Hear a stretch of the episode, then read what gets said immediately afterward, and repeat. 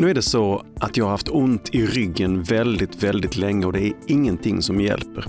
Så därför kräver jag att få en ordentlig röntgen gjord och jag vill ha den nu. Men frågan är, kommer min läkare att lyssna på det kravet? Borde hon lyssna? Har hon någon skyldighet att ge mig den vård jag vill ha?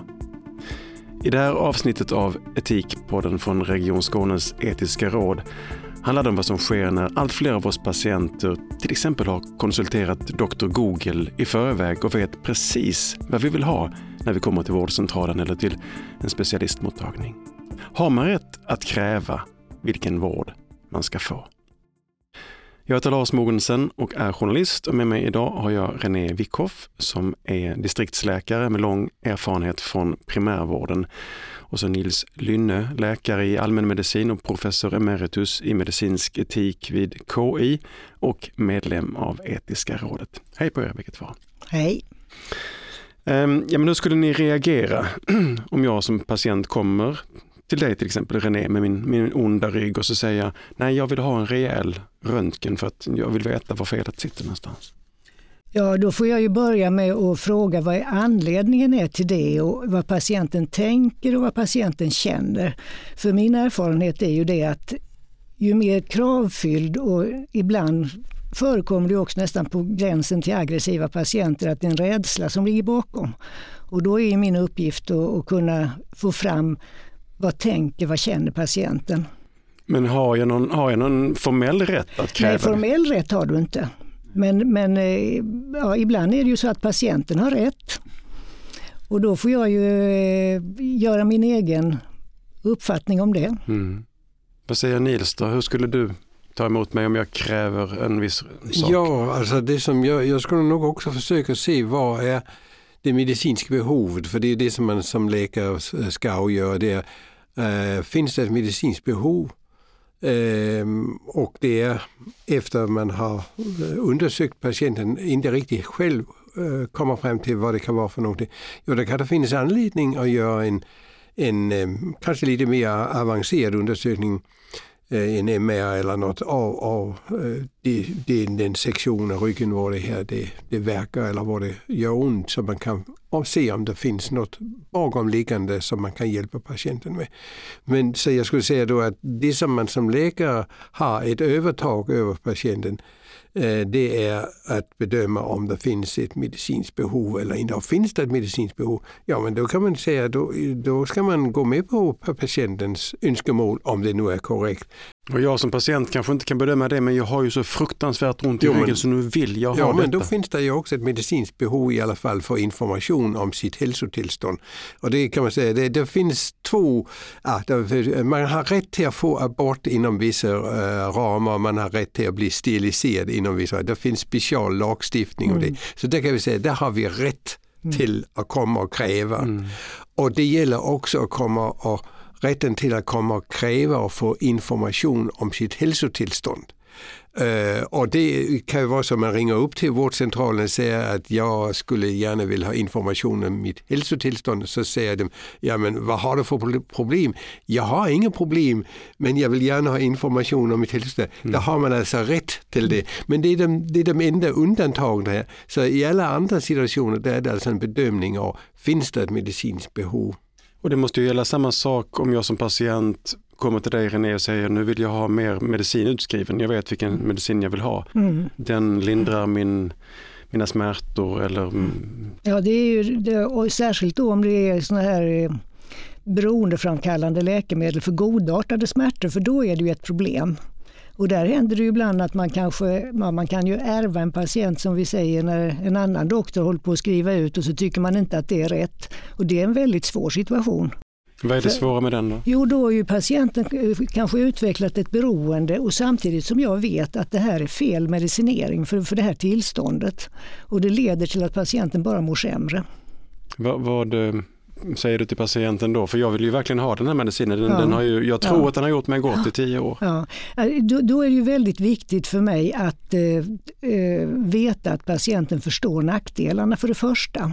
Alltså biverkningar? Ja, just det. Att jag får förklara det, att det, att vad, det, vad det är för nackdelar med det. En äldre person till exempel, att det påverkar att man kan bli yr man, och kan säga att man, det är risk att man går och trillar. Man kan bli nedstämd, man kan ha svårt att tänka. Och sen så vill jag gärna försäkra mig om att patienten har förstått det höra liksom hur, hur, vad tänker du om det? Liksom. Och sen kan jag ibland då säga att om, om, ska, om du nu tar ställning till att du vill absolut fortsätta med den här medicinen så kan du göra det till nästa gång vi träffas. Men fundera på de här sakerna. Och, och då kan det, det, det, det, det är ju det som jag är mest glad för om det fungerar. Därför att jag tycker det är jobbigt att bli ovän med min patient såklart. Men det kan komma till det att jag blir det.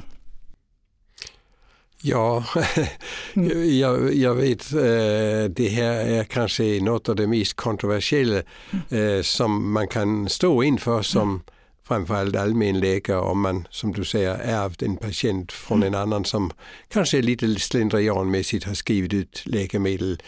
Men man ska också vara uppmärksam på att om detta nu hade varit något som får patienten till att fungera i vanliga livet eh, handlar det om ett, ett sömnmedicin eller en sömnmedicin eller något annat som också kan vara av samma typ, det kan vara beroendeframkallande. Men patienten ändå håller sig till den här diagnosen och det gör att patienten sover på natten och därmed kan fungera på dagen. Mm. Har man barn, har man eh, jobb och, och, familjer som ska fungera och så där. Och det här det gör att man, man faktiskt klarar av hela sitt eh, uppdrag. Då, då skulle jag säga ja, då är det en balansgång att hitta något som passar patienten och eh, vara beredd på. Jag, jag kan se ja. att vi, vi kanske inte är helt eniga. Nej, det, det brukar vi inte ja, vara med det här. Men, men, men, eh, man måste ju alltid göra individuella bedömningar och jag har ju också råkat ut för patienter som har, jag hade en, en äldre man som eh, jag inte ville skriva ut sån här beroendeframkallande sömnmedel och då var han uppe och bakade hela natten och gick upp jättemycket kilo i vikt för han åt upp sina bullar och han hade diabetes och blev mycket sämre i sin diabetes. Så då fick jag ju liksom ge honom det här sömnmedlet som man ville ha. Men man får ju också vara medveten om ja. det att patienten kan ju dra till med väldigt mycket drastiska mm. exempel på hur livet inte fungerar om de inte får det här. Mm. Mm. Det är svårt att veta ibland. Ja. Men är det för att liksom vara snäll mot patienten eller för att det är en jobbig patient? Alltså för, för jag förstår det på den liksom att ibland behöver man fortsätta skriva ut någonting som kanske egentligen inte är medicinskt motiverat men hon tycker ändå att hon mår bra utav det. Ja, om det hjälper patienten, alltså, ja, det, det, är frågan om vad man betraktar som sjukdom och inte sjukdom. Då men är det så att det är en förutsättning av att jag ska fungera eh, i mitt liv så skulle jag säga ja, då skulle jag vara beredd vissa gånger att gå med på att skriva ut det här eh, läkemedlet som kanske inte är bra ur ett beroendeframkallande synpunkt men, men ändå gör att patienten fungerar i vardagslivet. Eh, det, annars alternativet blir kanske eh, att ta patienten en, ett ordentligt glas vin eller sprit eller, någonting annat. och börja baka bullar mitt i natten. Istället för att baka bullar så tar man en sup istället. Mm. Va? Och, och, och det kan bli värre. Alltså man måste balansera det här. Se vad... jag, jag har ju varit med om ibland att jag har satt ner foten och sagt nej till patienterna när, fastän att, jag har, liksom, att de har goda argument så att mm, säga. Mm. Och så har jag ju haft den fördelen att jag har ju arbetat i väldigt många år på ett ställe. Och då har jag kunnat följa de här patienterna och då har jag varit med flera gånger om att, kommer du ihåg när jag var beroende av det? Tack ska mm. du ha. Mm. mm. Efteråt, mm. att, de är, mm. att det var skönt ja. att bli av med ja. det. Så det, är med ju... den erfarenheten man kan göra sådana saker känner jag. För det här måste ju vara etiskt knepiga situationer för läkaren när man står med en patient som är desperat vill ha just den här lugnande medicinen eller sömntabletter eller någon avancerad mm. röntgengrej. Um, vad kan det handla om? om? Om det inte är medicinskt motiverat så måste det ligga andra saker i bakgrunden. Jo, det är ju det här att försöka komma bakom rädslan och försöka förstå rädslan. För det är det ju ofta när man... Eh, att, och det här med googla till exempel, det tycker jag är jättekul när patienten har gjort för vi har en väldigt bra gemensam ingång då för då får jag reda på vad har du tagit reda på? Vad tänkte du när du läste det? Och då blev du väl jätterädd när du såg att det kunde vara eh, cancer om man har ont på det stället eller sådär. Så, och då kan man ju liksom bemöta, då får man ju tillsammans eh, titta på informationen som har kommit fram och jag kan ju hjälpa till då liksom att värdera det och säga att och för, menar, för patienten är det ju skönt när de förstår att min doktor har förstått att jag är så rädd för detta och, och tycker att det är normalt. Och, ja, så kan man se vad man kommer fram till sen. Så det är inget problem när patienten har googlat ner sig ett ämne och redan Nej, har en diagnos? det är ju jättespännande och roligt. vad tycker du om det Nils? Ja, nej, jag håller med om att, att äh, jag äh, blir inte förbannad eller arg om patienten kommer och, och kräver någonting som det kanske inte finns äh, motivering för, för och speciellt då om det är Um, det finns ett medicinskt behov faktiskt bakom det. Så jag kan också se att patienter som faktiskt har satt sig in i det, uh, sin eller i alla fall undersökt vad, vad kan det ligga bakom det här och finns det en, en oro för att det kan vara något farligt mm. så, är det, så det är helt klart att man ska försöka hjälpa den här. Jag kommer absolut. själv också ihåg ett, ett, mm. ett, ett, en, ja, ja. en sån här patient mm. som jag hade så, som kom eh, och sa ja, eh, innan han hade satt sig ner in, inne på rummet så sa han jag vill ha en remiss till lasarettet. Det var uppe i Umeå då. Mm. Och, och, då, och, då, och då skulle jag ju liksom kunna gå i baklås och blivit förnärmad över att han inte ville konsultera mig mm. först. Och så, men jag, jag, jag fattade mig och, och, och lyckades då och ställa frågan, ja men för att jag kan skriva en remiss så måste jag veta lite om vad du har för problem kan du berätta lite? Och så, och så berättade han då och, och, och då resonerade vi och så undersökning och så visade det sig att han hade otroligt ömma muskler uppe i, i nacken och, och, och fästena i, på huvudet och så där. Så det var kanske lite mer tydligt att det var øh, eh, nack eller någon, någon, form för spänningshuvudvärk. Och det var, men han var, det visade sig att han var, det han var orolig för, det var att han hade en hjärntumör.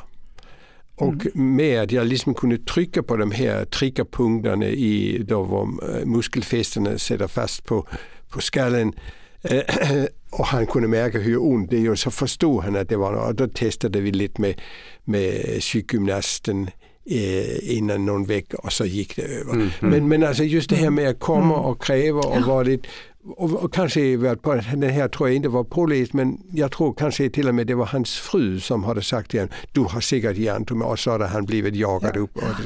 Se, men ser ni eh, som läkare att, att um, den här gruppen ökar? Att vi som fler av oss patienter vet vad vi vill för vi har läst reklam om att min smärta här kan vara det ena eller det andra eller jag är en viss ålder så antagligen har jag testikelcancer och vad det nu kan vara för någonting. Senaste numret av Läkartidningen förstår jag att tar upp detta och skriver om överdiagnostik och medikalisering av Ja, det kan vara medikalisering av, av ledsenhet och ångest och sånt där. Oh ja, det har blivit mycket vanligare. Medikalisering är ju ett, eh, det blir ju eh, mycket vanligare. Det blir det ju. Jag ska bara tillägga en sak som du sa, det där med när patienten är rädd för cancer. Det brukar jag säga att både du och jag tänker ju cancer i första hand, för det är ju det som vi alltid är mest rädda för, både, vi, båda två. Och det måste vi ta ställning till om det är rimligt att vi gör en sån undersökning för det. Som läkare, ja. ja.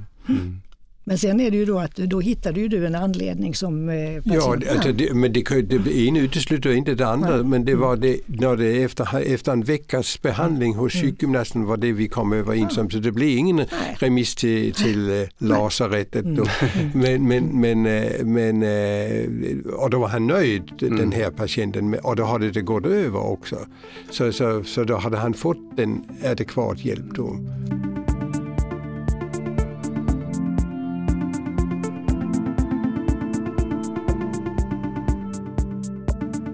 Men åter till detta, för jag är ja. nyfiken på vad det ja, innebär för er. Dels medikaliseringen men också all reklam som finns för, för olika mm, sjukdomar som kan, kan dyka upp och som skapar kanske behov, eller skapar i alla fall oro hos oss, som, för det är det som reklamen går ut på, att vi ska Mm. känna oss oroliga och vilja ja, ha någonting. Ja. Sjukdomsmångleri eh, Mm. skriver man Mm. om i Läkartidningen, det vill säga just det här mm, att marknadsföra Ja. oro för saker och ting. Ser, Mm. ser man effekter av det? I, ja, det gör man absolut. Hur då? Jo, genom att eh, de säger att jag tittar här vad jag läste för någonting, att eh, jag är lite trött och ledsen och, och nu står det här att det kan vara testosteronbrist till exempel. Att de har läst om det. Och det, det är ju inte bara reklam utan det är ju mycket som eh, artiklar som man hittar och sånt också förstås. Mm. Ja, det var ju för den, eh, ett stort antal år sedan eh, kampanjer för dietföreskrifter och vad man skulle göra för att minska kolesterolhalten. Och då, var det, och då tog man eh, kolesterolsiffror och sådär. Och då var det många patienter som faktiskt blev så oroliga av det, om de hade förhöjd kolesterolvärden att de blev sjuka av Mm. att få den här informationen. Man blir sjuk av oron så att Ja, säga. ja. Mm. Ja, eller det- är också det här exemplet på osteoporos, alltså när man har lite svagt Mm. skelett. Att, Ja. eh, Och då är ju det bästa för det är ju att man anstränger skelettet så mycket som möjligt Mm. och de som får reda på att de har det, de vågar liksom inte gå ut. De är rädda Nej. att de ska bryta sig, vågar inte gå ner i källaren, vågar inte motionera och så. Det förekommer ju också Ja. att man är så rädd om sitt skelett. Ja. Man är rädd för att ramla och, Ja. så, Mm. och så blir det bara Mm. tvärtom om En- man bara en sitter stilla. nedåtgående spiral, ja. Ja. Men hur bra är mm, sjukvården på att bemöta de här patienterna? Jag antar att det finns då en grupp som, som är oroliga för man har ont någonstans, man har något medicinskt problem och så söker man hos dig René och så är du hård och så får man gå vidare för det blev ingenting där, så Mm. söker man någon annanstans. Mm. Hur bra är ni på att liksom bemöta den patientgruppen? Eh, eh, många patienter som är oroliga, för, som har symptom och kanske inte sjukdomar, de går ju precis som du säger runt på olika akutmottagningar. Och där, tyvärr är det ju så att där kanske inte läkaren riktigt har tid att eh, sätta sig in i, och det är ju konsultationsmetodik och sådana saker. Och så möter man ständigt nya läkare. Och då är det ju enklare för den doktorn att göra de här undersökningarna och röntga det här, i, kanske för 20 gången samma sak. Därför att då, dels undviker doktorn att bli anmäld. Och sen så orkar de inte, eller inte, jag menar kanske inte har förmågan heller att kunna bemöta det i en akutsituation. Så de patienterna som har oro för sjukdom blir ju ofta överutredda och alldeles för mycket röntgade och provtagna och vi tar väldigt dåligt hand om dem. Och det, för det bästa för dem är ju om de har en, en, gärna en distriktsläkare som, eh, som de har förtroende för och som de kan återkomma till. Och jag har ju själv haft flera sådana patienter. Då kan det gå något halvår och så sitter de där, nu är det sådär igen, och så sitter vi bara och tittar på varandra och så behöver jag inte säga så mycket och så förstår de att nu är det jäkligt med mannen och barnen igen och så känner jag så här igen. Och så. Men tyvärr är det ju så med dagens primärvård har ju inte riktigt resurser till att ta hand om det på ett bra sätt, tyvärr. Nej, det är också omsättning på läkare och, Ja, personal. visst, det är det att-. Mm. För det är kontinuiteten där med en fast läkare som hjälper de patienterna bäst. Mm. Mm. Jag in, instämmer i det. Det är väl något, ett strukturellt problem att man inte har möjlighet för att träffa samma, samma läkare. Då blir det fler, eller kanske ibland många. Men jag skulle också vilja säga att ibland är det så att om en man är liksom väldigt kategorisk och det kan vara så där, är det på akuten, så utreder man bara om det är ett eller annat alternativ som kan vara farligt. Ja, Har man utrett det så, så, kan det vara att man lite snabbt säger ja men du är frisk. Och då kan det bli helt tokigt för då kommer patienten att vara en sån här som kan bli det man kallar en besvärlig patient som vill ha reda på vad beror det här på. Nu har jag haft det si så länge och det kan vara problem också därför att när, det, när man har blivit definierad som en besvärlig patient så kan det också vara något som hänger fast vid en och det kan vara svårt faktiskt att få reda på vad patienten egentligen är ute efter. Är, det en, är det en diagnos eller vad, vad är det för, eller är det en behandling eller vad är det för någonting? Man förstår helt enkelt inte vad och patienten för patienten handlar det om att få upprättelse för den gången den här läkaren sa du är frisk. Mm. Mm. Och, och, och, då, får man, då får man just den här mm. rundgången ja. i vården och då får man en mm. mångbesökare i bästa ja. fall. När man får en sån här patient ibland som är liksom eh, misstänksam och lite ja. småilsken och så, så är det ju en jättebra fråga. Eh, eftersom du känner så här, vad kommer det sig? Har du blivit dåligt behandlad i ja. sjukvården innan? Vad har du för erfarenhet? Mm. Och inte, till exempel, det kan ju också diabetespatienter som är som inte vill gå med på några råd överhuvudtaget därför att de har blivit så förnärmade av mm. Eh, tidigare behandlare. Men så det är ju en väldigt speciell relation när jag kommer där med min eh, onda rygg eller min, mina långvariga problem eller min, min så dödsångest så blir du en väldigt viktig person i mitt liv. Ja. Eh, har du reflekterat över det, liksom, vilken roll du spelar för Usch ja. för patienterna? Hur då? Mm. Ja. Nej, men ja, det, är ju, det är ju det som är så fantastiskt roligt med det jobbet som jag har eller har haft. Det är ju liksom att kunna ha personliga relationer så, eh, med patienter genom åren. Det är jättekul att kunna hjälpa dem. Och en gång eh, så slutade en kollega till mig och då dök det upp, och hon var en sån här fantastiskt bra doktor faktiskt, och eh, då dök det upp en patient som ingen av oss på vårdcentralen klarade av och vi upp och ner med olika eh, mediciner med, mot depression och ångest och, och ingen av oss klarade av det. Och så ringde jag hem till min kollega som hade slutat och så frågade henne så här, men vad brukade du göra? För den här patienten har ju aldrig dykt upp tidigare hos någon av oss andra. Ja, då sa hon så här att jag, jag bara lyssnade på det och så sa jag, det här är så himla svårt problem du har, så jag måste få sova på det här problemet över natten. Jag ringer dig imorgon. Och då hade det alltid gått över. Så hon visste ju precis hur det var liksom. Ett knep. Mm. Ja, det, det, ja, ja, jag vet, det är inte säkert något som man generellt kan tillämpa. Men, det, men, men, som sagt, ibland får man ju också mm. information om hos en sån här patient. Eh, jag hade en, en patient en gång som eh, när han dök upp, eh, det var uppe i Norrbotten, så sa han jag har ont i huvudet och det är inget psykosomatiskt.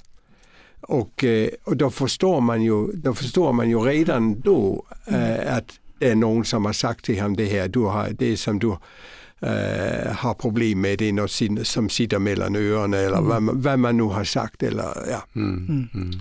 Och, det, och, och, och, när jag satt ner med honom och hörde, lyssnade lite mer på det så visade det sig att han hade, varit, han hade slagit huvudet tillfälle och vi gjorde faktiskt en en röntgenundersökning det visade att han hade en blödning under den hårda hjärnhinnan. Mm. Så det fanns en förklaring på det. Mm. Man måste vara mm. försiktig med att och liksom slarvigt säga det är något du är frisk eller det, det är en psykosomatisk eller vad, vad man nu tar till. Va?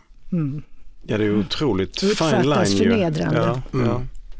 Mm. Svår, väldigt svår avvägning mellan ja, vad som är onödiga Det är ju inte bra att slänga ur sig något sånt. Det är det ju aldrig faktiskt. Det måste ju patienten själv komma fram till. Alltså mm. med, med mm. att man tillsammans kommer fram till att det kan nog bero på det. Mm. Det här, varje gång man lämnar sin vårdcentral, så, eller ofta i alla fall, så sitter det en sån liten manick i, i entrén där man ska trycka glad gubbe eller arg gubbe mm. eller ledsen gubbe om man tyckte man, om det var ett bra besök det här liksom, kundtänkandet, kundnöjdheten och valfriheten, mm, spelar det någon roll för hur vi, liksom vi som patienter tycker att vi kan kräva att få vår vilja igenom? Ja, ja, för många år sedan så gjorde de ju undersökningar i Eslöv på olika, alltså, eller inte bara i Eslöv, faktiskt på många vårdcentraler i Skåne. Och då var det Eh, då hade eh, vi 100% nöjda och eh, Eslöv, den andra vårdcentralen i Eslöv hade 98 eller något sånt där. Och då var det ju stor, stora rubriker i tidningen sen att det här var den sämsta vårdcentralen.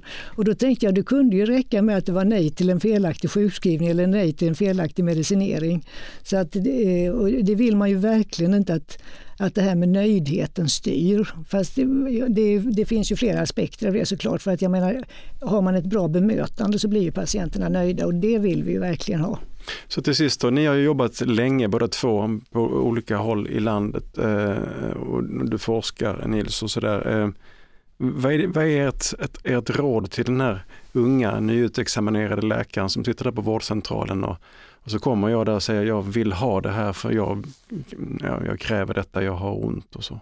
Mm. Ja, jag skulle säga det som är det bästa utgångspunkten är att vara nyfiken och så vara lite ödmjuk och inte mm. stoppa något ner i mm. halsen på patienten. Berätta för mig vad du har för problem.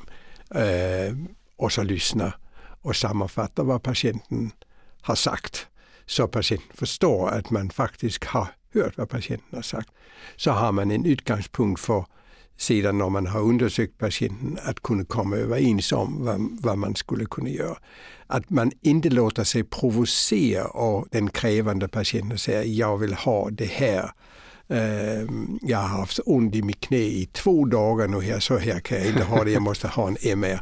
Eh, och det, det är också ibland är det så att det blir, kan bli en prioriteringsfråga. Va? För det står många andra som, gärna, som ska ha, som står i, mm. i kö och då får man hålla lite moralfilosofiska föreläsningar också för patienten om att det finns andra i hälso och sjukvården och, och, och, utan att vara raljerande men, men, men det, ibland är det faktiskt så att man får göra det. Jag, jag har ju haft många kurser i såna patientcentrerat förhållningssätt eller, alltså där man har, eller sjukskrivningssituationer där man har rollspelat och jag ser väldigt skillnad skillnad på de som har gått konsultationskurser och de som inte har gjort det. För de som inte har gjort det kommer ofta alldeles för snabbt med att nej, det blir ingenting eller så, där, och så blir patienten så provocerad. Så att jag, jag märker att de unga doktorerna är ju ofta bättre, så det är ju mitt råd att, att verkligen använda sig av de kunskaperna om de har gått en sån kurs, eller i alla fall gå en sån kurs och, och fortsätta mm. förkovra sig inom det, för det hjälper ju otroligt. Unga läkarna är bättre, det låter ju ändå som att vi går framåt. Ja. Man får väl säga det, alltså, om jag bara får säga en, en, en sista sak här. Jag hade en, en, en, en kirurgkollega en gång som berättade, det var hans pappa som egentligen hade sagt det här att ni läkare, ni är väldigt konstiga därför att kommer jag, tror, misstänker jag själv att jag har blindtarmsinflammation så ska jag inte säga det. Eh, då ska man säga, möjligen säga jag har ont här nere i höger sida av byggen men jag tror bestämt inte det är blindtarm. Då möjligen så får jag diagnosen blindtarmsinflammation och, och, och kan få behandling. För att läkaren måste få komma på det själv? Eller? Mm, det måste vara läkaren som kommer på det. Det, det, det blir ett frågasättande av, av eh, den professionaliteten, alltså den diagnostiska eh, förmågan hos läkaren om patienten själv kommer med diagnosen i handen och säger det här det är det jag felar, jag vill ha den här behandlingen. Bra tips från Nils Lynne där till alla oss patienter. Låt läkaren komma på vad det handlar om. Man får vara smart när man beskriver sina problem. Tack Nils Linne som är professor emeritus i medicinsk etik vid Karolinska institutet och medlem av Etiska rådet. Och så har vi René Wickhoff som är distriktsläkare med lång erfarenhet från primärvården. Utöver Etikpodden arrangerar Etiska rådet seminarier och kurser. Mer information om den verksamheten finns på hemsidan. Har du frågor, synpunkter eller önskemål om kommande avsnitt så skriv till etiskaradet skane.se. Tack för att du lyssnade.